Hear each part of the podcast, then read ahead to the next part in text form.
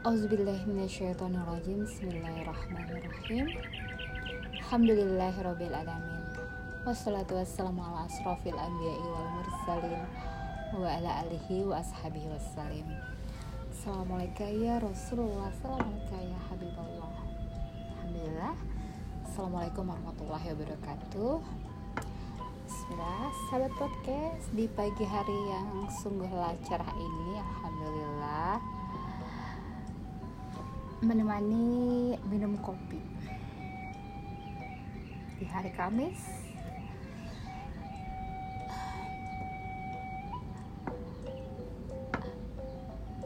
setelah membaca mendengarkan beberapa kisahnya Nabi Allah Nabi Muhammad SAW mengingatkanku akan sebuah sketsa cerita lama. Bukan ingin maksud menyamakan karena jauh sungguh jauh berbeda. Hanya menyeratkan beberapa skat yang sedikit menggugah aku ingin berkisah tentang masa-masa saat aku masih belia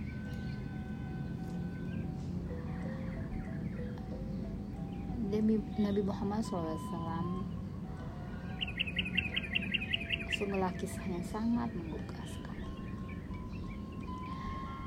Pada bagian Nabi diajarkan sejak usia masih remaja berdiplomasi, bernegosiasi menandai sebuah waktu itu ada konflik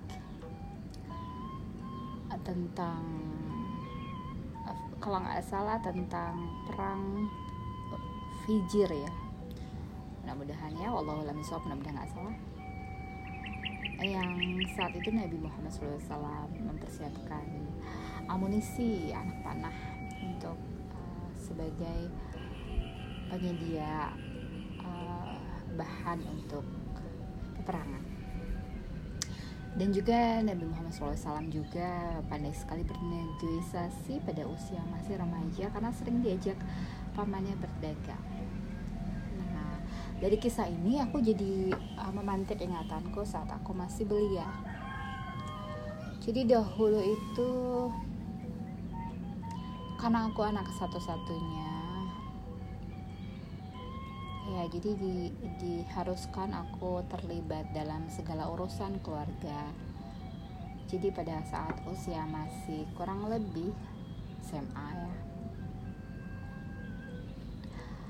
Uh, orang tuaku menghadapi sebuah dilema dengan urusan jual beli. Jadi waktu itu yang mendiami rumahku yang lama itu yang mengontrak di rumahku yang lama itu berniat membeli rumah. Dan sudah memberikan down payment kurang lebih sekitar uh, 25% dari yang seharusnya dibayarkan. Dan ini menggugah uh, kami pun untuk mendapatkan kedua orang tuaku berhaji di tahun itu. Namun apa daya ya, ternyata nasib berkata lain. Sang pembeli pun membatalkan niatnya untuk membeli rumah entah apa yang menyebabkan terjadinya pembatalan sepihak ini. Dan kami pun tidak memiliki uang sebanyak itu pada saat itu karena um, ya orang tuaku hanya bekerja sebagai pegawai uh, negeri ya. Dulu di pegawai negeri mungkin kalau sekarang BUMN yang pendapatannya pas-pasan untuk menghidupi sehari-hari keluarga. Nah, dan bagaimana caranya kami harus mengembalikan uang yang sudah dibayarkan. Sebanyak uh, ya sudah dipakai untuk mendaftarkan haji untuk uh, dua orang dua porsi. Dan kami pun harus mengembalikan secara full dari pembayaran down payment tersebut. Kemudian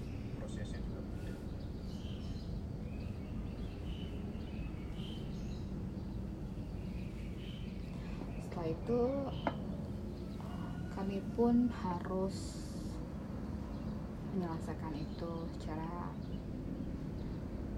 secara adil, secara saling uh, nyaman satu sama lain. Dan akhirnya aku tanpa berbekal ilmu apa pun ya. Dalam arti ya melihat keadaan yang aku pun membuat surat uh, di atas materai dulu masih ada surat yang berlogo apa Garuda berlogo lambang negara gitu. Nah, aku tulis tangan bagaimana hal ini harus diselesaikan dan akulah yang satu-satunya harus membuat rincian tersebut. Ya aku akhirnya menulis sebuah uh, janji sebuah disebut dengan surat perjanjian bahwa kami akan mengembalikan sepenuhnya dengan syarat-syarat beberapa hal yaitu yang pertama adalah uh, dipotong kontrak ya. Jadi selama dia tinggal di situ dipotong kontrak selama kurang lebih tiga tahun. Kurang lebih ya sampai uh, waktunya tiga tahun selesai itu kami kembalikan harus sisanya. Dan sisanya masih banyak banget ya karena dulu tuh kontrak masih murah sekali. Ya kebayang nggak sih satu tahun itu hanya dua juta setengah tahun itu? Ya akhirnya kami harus menulis itu dipotong kontrak selama tiga tahun uh, kemudian dipotong lagi dengan sambungan telepon yang terputus gitu. Kemudian uh, dan sisanya masih banyak dan harus dikembalikan. Dan kami pun memberikan uh, kesanggupan akan membayarkan sampai dengan batas waktu yang kita sepakati bersama. Itulah uh, pengalaman pertama. Berdiplomasi dan bernegosiasi di usia yang aku masih uh, belum pandai. Belum pandai. Apa belum pandai punya banyak teori untuk hal-hal tersebut namun itu harus aku hadapi karena siapa lagi? Hanya kami bertiga yang harus menyelesaikan hal ini. Dan orang tuaku menyetujui atas apa yang aku tuliskan aku tuangkan dalam surat perjanjian tersebut terus aku sodorkan kepada pihak pembeli yang batal uh, melakukan transaksi. Dan akhirnya alhamdulillah masalah pun selesai. Dan bagaimana aku di awal-awal aku nyemplung di dunia kerja pada usia yang masih sangat dini ya masih sekitar 20-an ya. Tepatnya itu aku itu kerja di usia sekitar 20 sekitar 22 tahun ya 22 tahun. Ya 22 tahun 23 tahun. Uh, itu bagaimana aku harus digembleng dengan seorang yang berwatak keras ya. Kalau di sini mungkin Indonesia itu kalau orang Korea itu Bataknya Indonesia. Nah kalau orang Korea ini mau apa pun hmm, bentuknya orang Korea itu keras dalam mendidik. Aku tuh dapat kemblengan mental lu benar dari orang Korea. Terus kemudian lagi ya aku juga harus menyelesaikan beberapa urusan yang menyangkut hukum menyangkut jadi waktu itu bosku kendaraannya hilang. Kendaraannya hilang entah dihilangkan wawah walam biswab tapi aku harus mengurus beberapa asuransi yang berkaitan dengan mobil tersebut yang jumlahnya lumayan besar karena ini adalah mobil mewah. Dan bagaimana klausa kejadian surat uh, klausa beberapa yang harus kita uh, berikan pernyataan. Hmm, kemudian laporan kepolisian. Terus uh, apa sih namanya kalau kita mengurut suatu kejadian itu? Pada saat di TKP pada saat kehilangan mobil tersebut gitu itu harus di harus di uh, kembali. Yaitulah pertama tentang uh, sebuah pengalaman yang luar biasa dan akhirnya cair uangnya ya. Aku hanya menjalankan tugas karena pada saat itu aku hanya sebagai seorang sekretaris yang harus mengurus hal itu. Terus kemudian juga aku harus mengurus uh, apa urusan listrik. Pabrik yang baru dibangun di daerah Sukabumi yang jumlahnya lumayan besar ya. Jadi kalau memakai tenaga uh, freelance atau kontraktor itu bisa tiga kali lipat. Namun alhamdulillah ya berkat kita menyusuri beberapa persyaratan-persyaratan yang sudah seharusnya membuat itu menjadi murah karena ini adalah tarif industri. Berapa syarat harus dilengkapi maka beban listrik pun menjadi ringan dan kita pun masuk kepada tarif industri yang tarifnya pun sangatlah jauh sekali dibanding dengan biaya yang harus dikeluarkan oleh pihak swasta yang pihak swasta yang tidak melakukan industri ataupun pembuatan manufacturing. Itu alhamdulillah ya. Uh, di sini intinya aku melakukan segala sesuatu ini sesuai dengan prosedur aturan yang berlaku ya. Aku juga sambil belajar dan aku juga harus mengurus beberapa urusan cash flow jadi kalau orang Korea ini punya cash flow yang buruk sekali.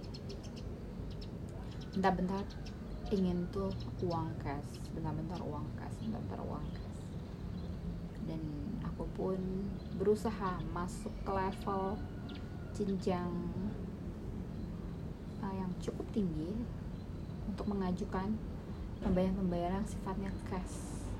Yang seharusnya dibayarkan tiga bulan namun ada yang namanya cash discount.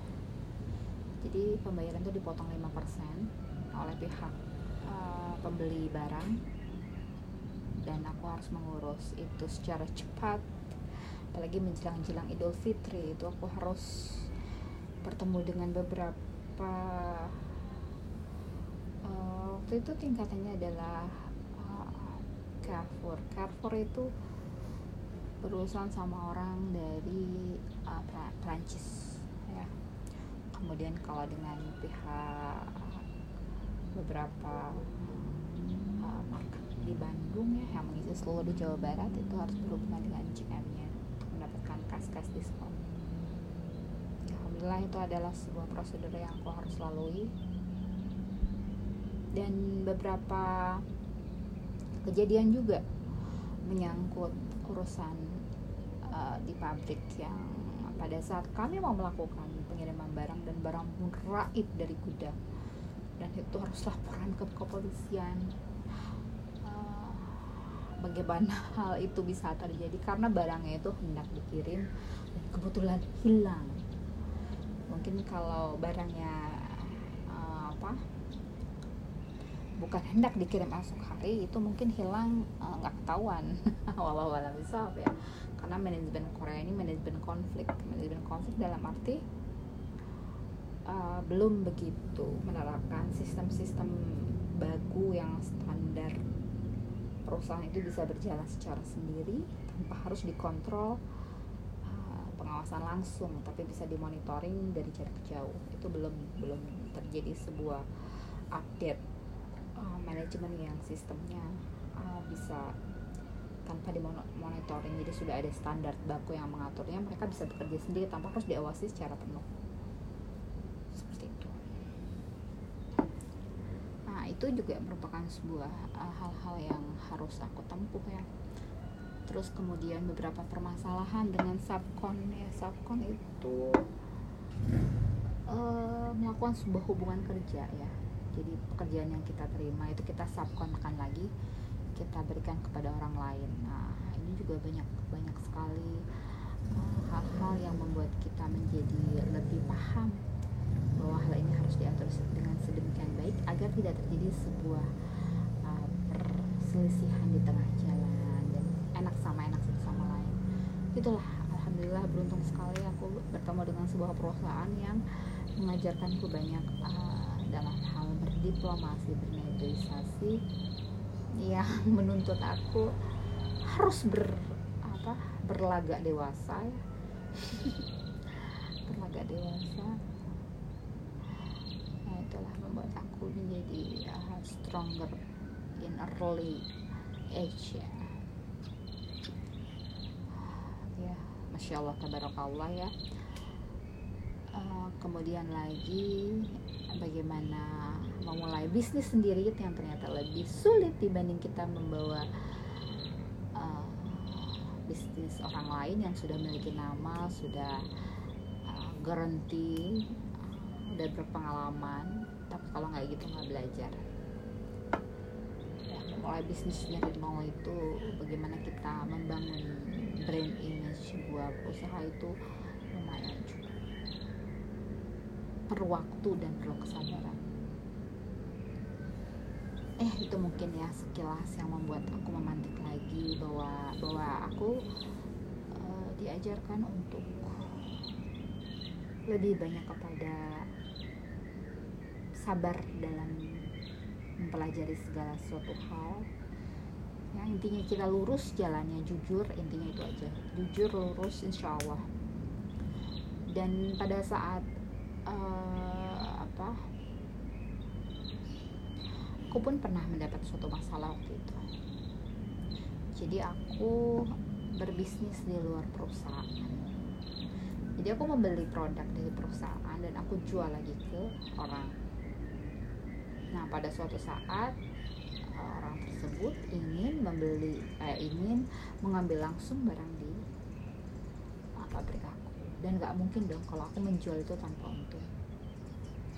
Ya pastilah harus pakai untung dan saat itu aku menerima sebuah uh, ujian bahwa nggak terima aku ngambil untung gitu. Nggak terima. Dua ribu rupiah per pieces aku ambil untung. Dan aku dilaporin ke ke ke bos bahwa aku karyawan ngambil produk tuh nggak boleh ngambil untung. Terus kalau aku jualan nggak ngambil untung terus eh, bagaimana judulnya gitu kan ya. Iya bosku tidak berusaha untuk membela aku depan mereka. Namun dia membesarkan hatiku saat aku uh, kecewa. Kecewa karena kecewa ngambil untung. Kecewa ketawa ngambil untung. Aduh kocak. Akhirnya itulah bisa aku belajar bahwa jangan pernah membawa uh, apa langganan apa yang membeli barang ke kita ke asal pabriknya langsung. Karena nggak rela orang ambil untung. Itulah pelajaran buat aku. Kemudian lagi pada saat aku membangun brand name sendiri gitu. Ya aku harus uh, banyak-banyak sabar dalam uh, menjalani segala sesuatu dengan kehati-hatian dan perlu makan waktu ya. Ah, masya Allah itu harus bisa terburu-buru ya. Sabar ya. Dengan ceria malah dengan cerah ceria menghadapinya ya. Itu sih. Intinya setiap Allah berikan sebuah kepada kita nih sebuah uh, pergerakan ya yang hubungannya sama duit. Itu dulu hubungannya sama duit. Pokoknya pergerakan semuanya ujung-ujungnya uh, angka. Kalau sekarang insya Allah uh, pergerakan ujung-ujungnya uh, bukan angka tapi kepada semoga membawa keberkahan kepada kehidupan kita. Uh, intinya bukan angka yang dicari adalah berkah dan sebuah gerakan-gerakan yang membuat kita menambah uh, rezeki yang abadi yaitu ilmu pengetahuan. Terus kemudian ilmu tentang mengenal Allah mengenal diri mengenal Rasulullah mengenal alam semesta dunia alam alam selanjutnya mudah-mudahan itu semua kita dapat raih dengan kesadaran dengan uh, jangan terburu-buru kemudian lagi uh, berhati-hati ya lihat rambu-rambunya tetap semangat cerah ceria. Uh, terus seperti dulu aja semuanya bertahap ya nggak bisa langsung terus kemudian akhirnya insya Allah Allah berikan sebuah hasil yang insya Allah intinya adalah kita uh, cerah ceria selalu semangat. Dan uh, dulu itu pekerja keras ya. Pekerja keras. Dulu pekerja kerasnya melintingkan lengan baju dan celana. Kalau sekarang melintingkan membesarkan wadah membesarkan hati kita. Terus mengasah segala apa pun yang melingkupi kehidupan kita ya. Amin amin ya rabbal alamin. Subhana rabbika rabbil izzati amma yasifun wa salamun ala mursalin. Walhamdulillahi rabbil alamin. Wallahu a'lam bishawab billahi taufiq wa hidayah. Assalamualaikum warahmatullahi wabarakatuh